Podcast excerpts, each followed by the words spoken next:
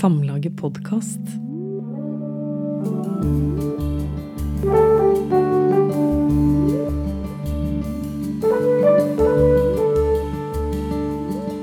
Velkommen til Samlaget podkast. Jeg heter Cecilie Seines og er redaktør på Samlaget. Og I dag skal jeg snakke med Siri Helle, som har skrevet boken 'Trollefoss-vegen 23 tilbake til heimbygda', som er en sakprosabok om å flytte hjem igjen til Holmedal i Sunnfjord. Velkommen, Siri. Kan du fortelle om den plassen du bor nå, Holmedal? Ja, det er ei lita bygd um, som ligger i en fjord i Sogn og Fjordane. Uh, fjorden heter Dalsfjorden og er verken den lengste eller største eller mest dramatiske fjorden i verden, men den er veldig fin. Veldig fin um, for meg å bo i.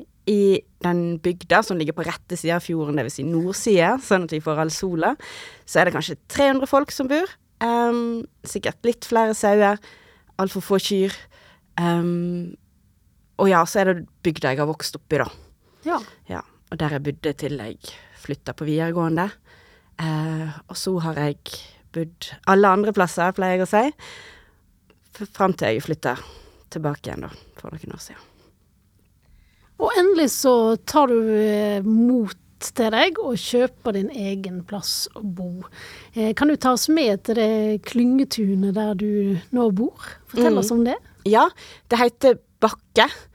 Og alt som er rundt heter på en måte Der er- det ligger nedenfor Bakkefjellet og ved sida av eh, Bakkeelva. Hvis du går ned bakken, så kommer du i Bakkefjæra. og eh, den nærmeste turtoppen vår heter Bakkekletten. Um, så det har, har satt sitt preg på det området, da. Og der eh, er det mm, Eller har det vært fire gardsbruk, um, hvorav vi da har kjøpt det som er igjen av det ene. For jorda var skilt ifra før vi eh, fikk kjøpe, så vi sitter nå på to mål, da, omtrent. Um, og så er det da fire andre hus rundt, hvorav eh, tre av de er bebodd av eh, tre familier, hvor den minste innbyggeren er vel nå blitt tre, og de eldste er godt over 70. Um, og der er en sauebonde og kulturarbeider og en tidligere postmann og veldig godt selskap, rett og slett. I perfekt avstand vil jeg påstå at jeg, at jeg har naboene mine. Det er langt nok vekke til at um, en ikke eh, trenger å være redd for å gå naken gjennom staua, men likevel så er de nærme nok til at en får prate med hverandre uten å måtte banke på og gå på besøk. Vi har veldig mange, eh, løser mange verdensproblemer med snøskuffer i handa på hver vår side av grusveien. Men det er ikke et småbruk, du kan ikke kalle det det, eller? Nei, Nei? jeg kan ikke det. Um, jeg kan kalle det Eller jeg har laga meg et ord som er mikrobruk. Um, fordi det er utrolig mye en får plass til på to mål. Um, jeg um, kan dyrke alle potetene jeg trenger gjennom vinteren, og um, ha nok høner til å få alle egga som vi klarer å, å ete. Og ha nok ripsbusker til både saft og gelé og syltetøy og um, ripsbær med vaniljesaus. Um, så jeg kan, kan klare meg ganske godt, eller vi, vi er jo to som bor der, Asle og jeg, um, kan klare oss ganske godt sjøl på de to måla, på en del ting. Men eh, det er jo ikke nok til å drive og produsere for andre, da, som er jo det et, et gardsbruk gjør. Mm. Men du har vært eh, redd, rett og slett, for å slå deg til ro en plass. Og hva er det egentlig som har skremt deg? Ja, det eh, har jeg nok lurt på sjøl òg. Hvorfor er, jeg, er det for meg så mye mindre skummelt å stille meg i en veikant og stikke ut tommelen og på den måten reise helt til Portugal med folk jeg ikke kjenner, enn å eh, forplikte meg til å ta opp et huslån og um, da liksom si at jeg skal bli værende her. Um, og og jeg, jeg, veit ikke akkurat hvorfor jeg har det sånn, eller um, hva som har gjort det, men, men, men det har nå bare på en måte, Det var der jeg begynte, og det var det jeg fortsatte å gjøre i, i mange år. Og da var det det som ble min, min hverdag, da. Eh, var på en måte å, å følge impulsen og, og em, Når noe ble litt kjedelig eller litt vanskelig, eller um, uh, så, så var det bare å finne på noe annet. Ja. Det, ja. Og hva har du funnet på, da, hvis du skal liksom gi noen eksempler på hva det er du har uh... Uh, jo, jeg har um, jobba på økologisk gård i Portugal. Jeg har bodd hos småbønder i Brasil. Jeg har okkupert hus i Bergen, og for så vidt også i Nederland og Belgia og København. Gått på teater folkehøgskole utenfor Göteborg. Jobba på gård på Helgeland. Seila ei motorløs frakteskute over Atlanterhavet. Ja, Ja, litt ymse. ja. Du har levd med en sekk på ryggen, rett og slett. Ja, Ja. ja. Og hatt veldig få, altså Til tider ikke engang hatt rutiner for når jeg pusser tennene. Altså, jeg pussa tennene når de føltes skitne. Du har pussa tenner. Jeg har pussa tennene. Fortsatt null hull. Eh, men, uh, men ikke sånn Jeg har hatt veldig lite rutiner i livet, da. Mm. Og har vel vært rett, redd for at det å, å, å begynne med det ville bli kjedelig, og at jeg ville gå glipp av noe. Kanskje litt det det handler om, at uh, hvis jeg ikke Hvis jeg bare skal være på én plass, så går jeg jo glipp av alt det andre. Og i tillegg det å flytte til den bygden der han vokste opp, er det jo mange som syns er vanskelig. Tenkte du sånn? Um, jeg har jo absolutt tenkt sånn. Altså, når jeg var 16 år og flytta på videregående, så var det jo eh, eh, med en, en viss lang finger til, eh, til heimbygda, og det som jeg så på som traust og kjedelig miljø der. Um, men nå så Altså, det var jo mest en, en praktisk konsekvens at det ble akkurat der. Det var ikke sånn der langsiktig planlegging eller en, en stor drøm om å flytte akkurat hjem igjen. Um, det ble jo Holmedal fordi Asle, samboeren min, uh, fikk seg en, en jobb uh, i nabobygda, og at det dukka opp et hus som var hadde mange, kvalitet, mange av de kvalitetene vi lette etter, uh, og en pris som vi kunne leve med. Um, og det lå akkurat der, var litt tilfeldig, da. Men eh, Det var ikke et spesielt ønske om å komme tilbake til hjembygden. Men, men eh, det, boken din er jo òg en eh, kjærlighetshistorie, rett og slett. Sant? Nå har du nevnt Asle. mm. For du, du flytta jo rett og slett sammen med Asle. Og hvem er han, og hvordan møttes dere? Jo, um, vi møttes under et segl i Florø, som er et, en, ja, Norges vestligste by, et par timer nord for der jeg bor nå. Og det var på et, et seilsyingskurs, da. Vi sydde seil til ei, ei skute som vi nå driver og engasjerer oss litt i, som heter Bakkejekta. Um, og um, Asle er 22 år eldre enn meg. Uh, så det var mye som ikke la opp til at det skulle bli oss to. Um, men uh, han er også blant de mest leikne og um, ungdommelige menneskene jeg har uh, truffet. Um, han er tømrer, og eh, vi deler veldig mange felles verdier rundt det å, skape noe sjøl. Um, eller å ta tak i det, vi, det han har rundt seg, og gjøre det til, eh, til, det, han, til det han vil ha det til, da. Mm. Og være litt sjølforsynt og være ute i naturen og ja. Det er en fordel å være sammen med en snekker når en kjøper et gammelt hus. Det er, det, det er ofte en fordel å være sammen med en snekker. Ja. Men altså, sant, det er jo et mikrobruk, kaller du det. Mm. Og, eh, men hva lever du egentlig av? Sant? Du bor der, og du eh, dyrker, og du har dyr. Men eh, Mm. hvordan lever du? Jo. Hva lever du av? Ja, jeg er omtrent halvparten skribent, og så omtrent halvparten snekker, ufaglært i opplæring sådan. Um, for i min forrige bok, med bare nevene, så bygger jeg jo min første eh, lille eh, bygning, en utedo. Og det her skjedde parallelt med at jeg traff Asle, og han skjønte at jeg eh, syntes det her var, var kjekt og var noe jeg kunne tenke meg å gjøre mer. Så en dag så kom han hjem og sa at han hadde fått tilbud om å bygge ei hytte for en kar, og eh, trengte å ha med seg noen på det, og lurte på om denne noen ville være meg. Um, så sånn eh, blei vi også kollegaer, sånn litt på deltid. Mm, så, og det er en veldig god kombinasjon å um, skrive og snekre, for det får, gjør at jeg får brukt veldig forskjellige sider av meg sjøl. Altså, jeg kan jeg, kan, jeg føler jeg kan gjøre mer, da. Um, om jeg er 50 det ene og 50 det andre, så blir summen mer enn 100 likevel, fordi at det er så forskjellige deler av meg som blir brukt. Mm. Men altså når du da har flyttet hjem til Holmedal, så er jo noe av det du vil, det er å grisle. Det vil du bruke mye tid på. Og det er jo sikkert et uh, grisle er et ord som ikke alle skjønner, men du vil at uh, ditt hjem da skal være en grisleplass. Mm. Hva vil det si å grisle? Jo, det er et veldig fint ord som vi har i min dialekt, som er å, å holde på med et eller annet skapende, um, som ikke trenger å gå så fort. Men det må være lystbetont. Det må være, være kjekt å grisle. Det kan eh, være å hogge ved, eller eh, plukke lus fra rosebuskene, eller bake rundstykker, eller um, rosemale kjøkkenskaper, eller et eller annet som, som gjør at du gjør, tar det du har rundt deg, og gjør det til ditt eget. Mm. Og bruker din skaperkraft, da. Ja. Og så er du jo utdannet agronom, og nå får du en del jord, og, men du er jo ikke helt sikker sikker på hvor grønne disse fingrene dine er. Nei. Hva har du funnet ut om fingrene dine? ja, um, jeg har vel det, vel det, er vel litt som jeg frykta, at um, det, det, Jeg får til ting. Det skal jeg um, det skal du ha. Det skal jeg ha.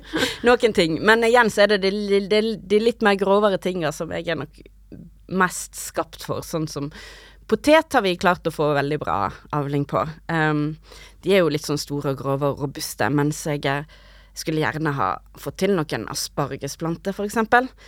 Som er en litt sånn, sånn sårbar og puslete sort. Men det får jeg ikke til.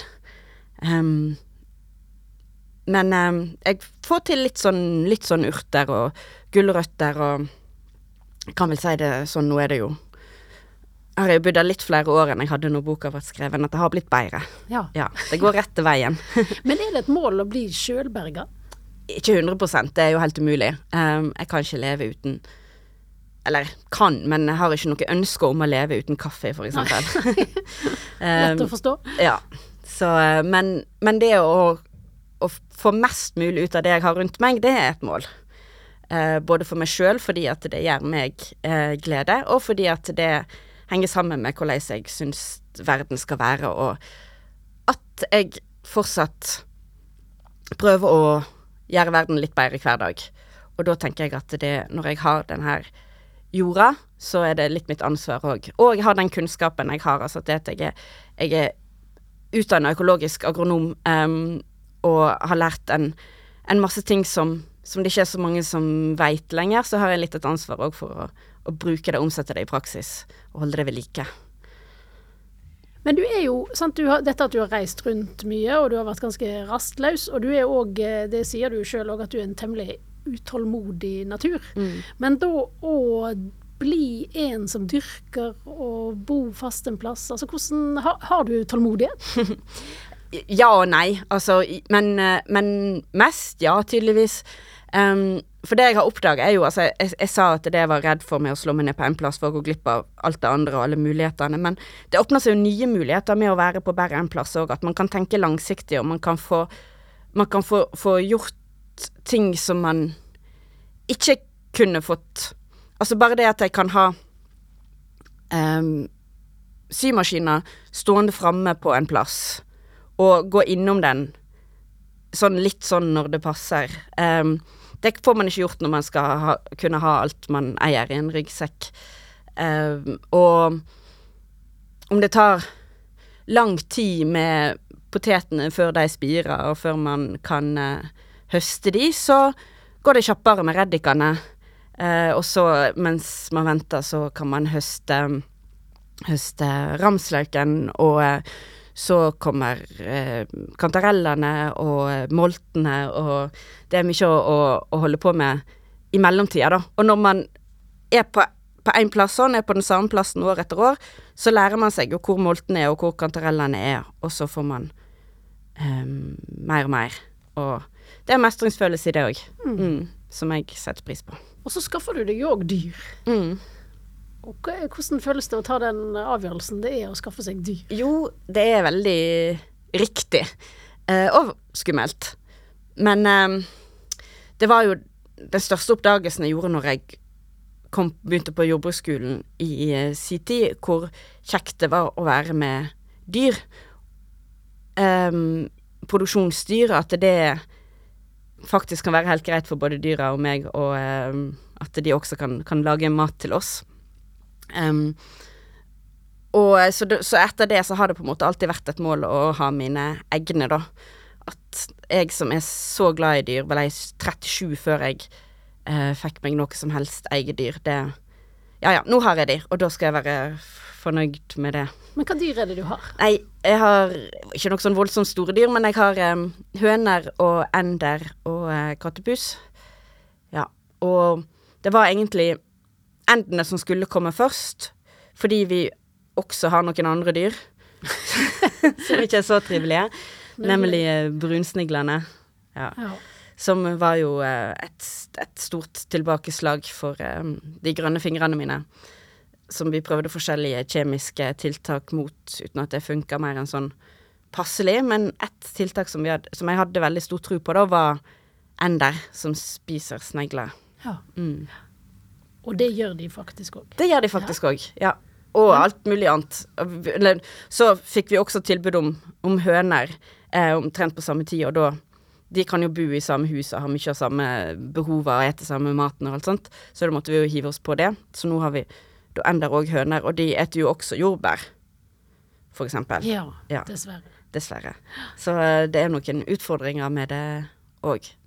Men, uh, men eh, de er veldig koselige. De gir mye trivsel i tunet, særlig hønene, da, som og det å ha en, en, flokk med en hane og høner og kyllinger på den tida året da det er kyllinger, og at de kan få lov å være seg sjøl fullt og helt Altså, det er jo risiko med det. Det har hendt et par ganger at vi har, vi har mista et par fugler til uh, rovfugler og rovdyr. Um, og det hender at de dør. Så det er jo baksider med at de lever det frie livet òg, men likevel det at de går der og får lov å være høne 100 det gir meg utrolig stor glede. Ja. Og noe annet du begynner med nå i dette prøveåret ditt i eh, Holmedal, da, for det er jo på en måte i boken din så er det et prøveår. Ja. ja det, det, er jo det som jeg sikkert måtte tenke for å, å la meg få gjøre det, og at um, jeg kjøper det her huset, og jeg tenker at jeg skal være her, men jeg, det kan selges igjen. Det må ikke være for alltid. Og nå du begynner med i dette prøveåret, det er jo å gå og jakte. Mm. Og det har du ikke gjort før? Nei, um, eller jeg hadde vel gjort det et år før jeg um, flytta til Holmedal. Jeg begynte med det når jeg traff Asle. Han har jakta gjort i masse år, omtrent så lenge som det har vært en stor hjertestamme i Norge. Den har jo bare blitt større og større.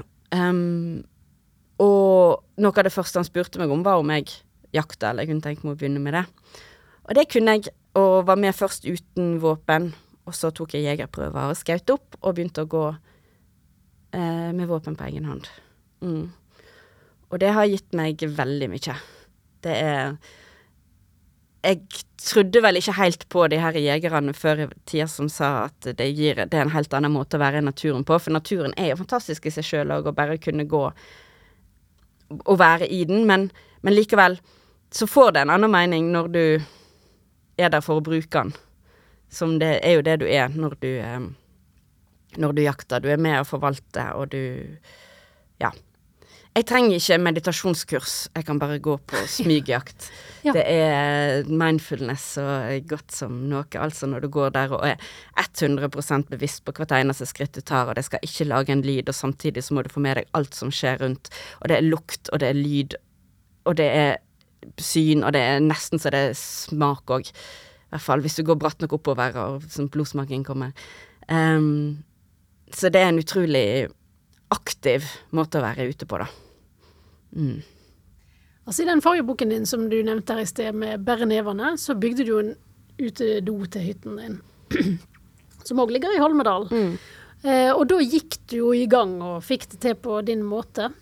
Men du var jo faktisk altså Når noen hører på deg nå, så kan du tenke at du har eh, dyrka og snekra i alle år, men du var jo faktisk voksen før du mm. liksom, kom i kontakt med den praktiske delen av deg. Mm. Eh, var vel egentlig Ja, jeg var jo det. Um, og det um, er jeg nok ikke aleine om, eller det er, vet jeg at jeg ikke er, er aleine om. Altså, en kan se hvor um, På agronomutdannelsen, for eksempel, så er ikke det så veldig mange som tar den som 16-åring, men det er jo stort sett alle landbruksskolene har jo fått sånn voksen agronomutdanning, fordi at folk litt oppi åra og oppdaga at uh, det var kanskje noe sånt jeg skulle drive med likevel. Um, ja. Mm. Ja, for det du på en måte Det du gjør nå, er jo å velge de praktiske sidene dine med å flytte til Mm. Holmedal. Kjennes det sånn? Ja, det gjør det. Og muligheten til å utforske de og bruke de um, så mye som mulig. Fordi at det gjør meg til et mer fornøyd menneske, rett og slett. Når jeg em, Jeg har jo et, et aktivt hode. Um, tenker mye, har jeg alltid fått høre. Og det kan være ganske jaga oppi der av og til. Men når jeg får For det å bruke kroppen roer jo hodet, da. Mm. Og det um, kan, jeg, kan jeg si at jeg vet at det gjelder for meg, og eh, Det finnes òg litteratur som sier at det hjelper for Det er sant for mange andre òg, at det, uh, vi trenger jo å bruke hele oss. Vi er jo skapt for det. Men denne utedoen den, den ble jo helt nydelig og fullt brukende, men den var jo kanskje ikke perfekt hvis en håndverker skulle ha sett på den, eller vurdert resultatet. Eh, og i denne boken så protesterer du på en måte litt mot det perfekte. Liksom at alt skal være så riktig og rett. Hvorfor det? Jo, jeg tror at det der er perfekt Det er litt sånn som vi har, har blitt fordi vi har blitt så vant med å kjøpe alt. Um, og da ser vi jo bare de perfekte resultater, og så tenker vi at det er sånn det må være for at det skal være perfekt, eller så er ikke det godt nok. Men så er det jo ikke sånn. Altså veldig mye kan jo være godt nok selv om det er litt skeivt, eller eh, har et lite hull, eller um, um, malinga kommer litt utafor, så kan det gå kan det gå greit likevel. Um, og det er jo litt av den her grisle greia, da, at eh, en skal gjøre så godt en kan. Og så er det ofte sånn at det er kjekkere å begynne på ting enn å avslutte de. Tror jeg heller ikke jeg er aleine om. Høres kjent ut. Ja da. Eh, vi mangler ganske mange lister i huset vårt enda. Um, og um, det kan litt irritere meg, og samtidig så er det også helt greit. Eller vi Det er på en måte ikke noe vits i å irritere seg over det. Enten så må en gjøre noe med det, eller så må en la være å irritere seg over det. Og eh, akkurat nå, for eksempel, så er det viktigere å få potetene i jorda og eh, følge opp eh, høna som ligger på egg. Så da får de listene ligge. Ja. Og du og Asle, dere eh, har jo en hashtag. Hashtag halvferdig. Ja. ja, for hvorfor Man har jo trender for alt mulig, sant. Um, og man river jo opp bukser på fabrikken for at de skal uh, se slitt ut. Og hvorfor kan man ikke også ha en trend som er halvferdig, at det faktisk er sånn det skal være, og at det er lov. Og så kunne man hatt Man kan ha konkurranser i den lengste halvferdingen. Um, hvor har det tatt lengst tid å få på plass um, lister på do, da. Eller den mest upraktiske, når man har um, flytta komfyren uten å la kjøkkenvifta følge etter, eller uh, der må man reise seg fra do for å rå, nå dorullholderen, eller ja. Det finnes helt sikkert mange rundt om som folk lever helt greit med fordi de har uh, blitt vant til det. Mm. Du, dette å flytte til Holmedal, det er jo et valg om å dyrke og ha dyr og leve på en spesiell måte. Men det er jo òg et eh, politisk valg for deg. Kan du si på hva måte?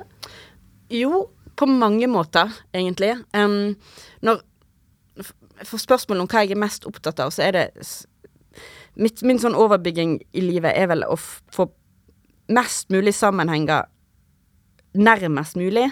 Kretsløp, eller krinsløp.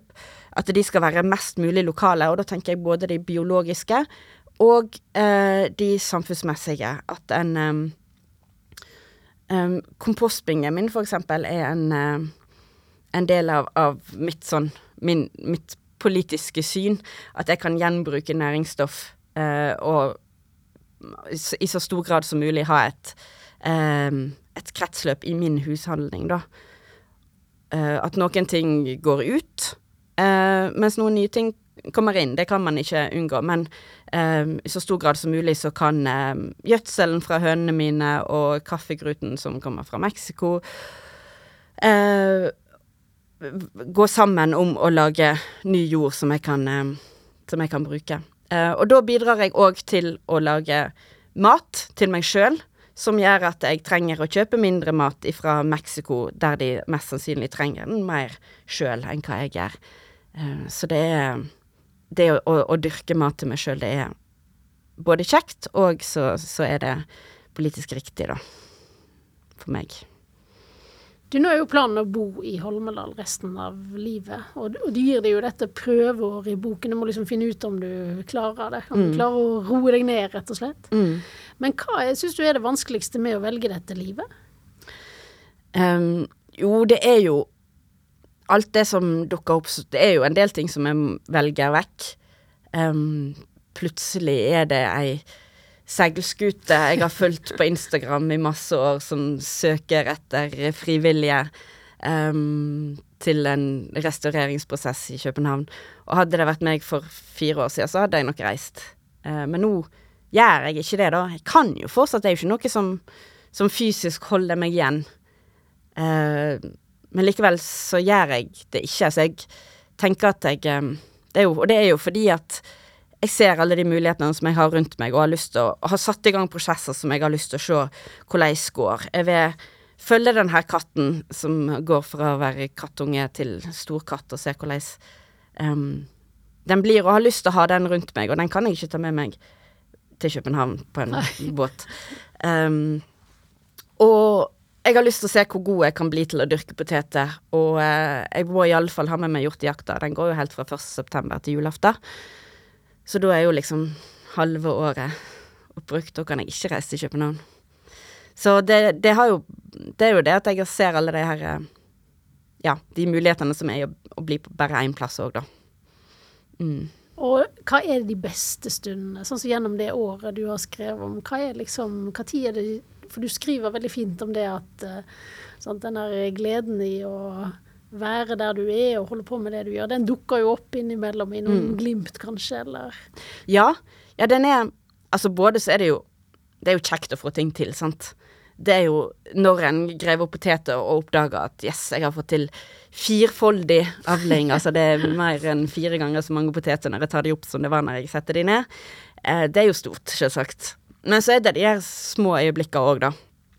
Når en klarer å em, å sette seg ned og ta inn over seg alt og ingenting. At hønene tripper forbi og er fornøyde, og at um, gjerdet vi har satt opp, faktisk tar litt av østavinden, uh, sånn at jeg kan sitte uh, varmt og godt i ettermiddagssola um, og høre på ingenting. ja, så er det godt, da. Mm. Og jeg vet jo òg at eh, jakt og det å eh, lykkes på jakt er òg et sånt godt øyeblikk. Så kanskje du Mm. kan eh, lese litt for oss fra en fortelling om jakt. Det kan jeg prøve på. Jeg gleder meg til å høre, Siri, og tusen takk for at du ble med i Samlaget podkast. Jakta var endelig i gang. Den første sesongen jeg virkelig hadde jaktterrenget i nærleiken. Asle og jeg har fått leid oss tre dyr i fjella bak bakke. Med ett var terrenget bare ti minutter fra utgangsdøra, og vi gledde oss til å kunne hive oss rundt på ei spontan ettermiddagsjakt når forholda lå til rette. Men Asle var reist på jobb i Solund og kom ikke hjem igjen før til helga. Været var for godt, og jeg var for gira. Jeg klarte ikke vente. Ein vert rastløs av å gå på jakt uten resultat, altså uten å få skutt dyr, eller uten fall, som en sier. Særleg det første fallet, for framleis veit jeg ikke korleis jeg kjem til å reagere. Veit ikke om jeg egentlig har rett til å kalle meg jeger engang, for sjansen hadde jo vært der. Jeg kunne ha skutt, men valgte å ikke gjøre det, og du kan tru de sjansene kverner i hovedet anger, samtidig som jeg sier til meg sjøl at det var riktig, at det kan være feil å skyte, men aldri er feil å late være. Det vert mykje slik tenking, både før, under og etter jakt. Tenking på tekniske detaljer, som at jeg må huske å lade igjen med en gang for å kunne skyte skudd nummer to dersom det vert naudsynt. Og med rifla i hendene dagdrømmer en konstant medan en går. Om det dukker opp et dyr på myra der ute, da kjem det i perfekt avstand og med breisida til. Da skal jeg slippe meg ned på høyre kne, støtte rifla med venstre albue på venstre kne, sikte, ta av sikringa, plystre for å få dyret til å stoppe, se at det står i ro, puste og skyte. For til sjuende og sist er det det jakt handler om, skuddet, det dødelige treffet. Spør du en jeger hvorfor hun jakter, vil du få ei rekke ulike svar. Nokre vil trekke fram naturopplevelser, andre fellesskapet jaktlaget, og være med å forvalte et økosystem, kjøtet som blir til god mat, eller rett og slett frisk luft og trening. Andre, trolig en god del, vil velge seg spenninga. Men du vil finne få, meg inkludert, som trekker fram det å skyte dødelige skudd som det største, viktigste og beste ved å gå på jakt. Likevel er det sikkert og visst, ei virkelig vellykka jakt får du først når du tek livet av eit dyr. Og det er ekstra stas å være den som trykker på avtrekkeren. Hvor kjem denne gleda over å ta liv ifra? Jakt kan være ganske langtekkelig når en ikke ser dyr. Denne ettermiddagen hadde jeg egentlig bestemt meg for å gi opp og gå heim att uten å ha sett noe som helst som likna på hjort. Jeg skulle bare sitte bitte litt på ei myr først. Og med ett skjønner jeg at den gulbrune grasflekken jeg så oppe i fjellsida en 600-700 luftbårne meter borte, ikke var gras, men hjort. Ei fjordkolle, slik jeg har på kvota mi. Min første tanke var likevel at hun får vel bare gå, hun der, slik alle de andre hjortene jeg hadde truffet har fått, for hun var altfor langt unna, og om en dryg time begynte det å mørkne, og dessuten veit jeg ikke om jeg kommer over elva som skilås. Dette får jeg ikke til. Eller, fra ein augnebling til den neste er jakt alt annet enn langtekkelig.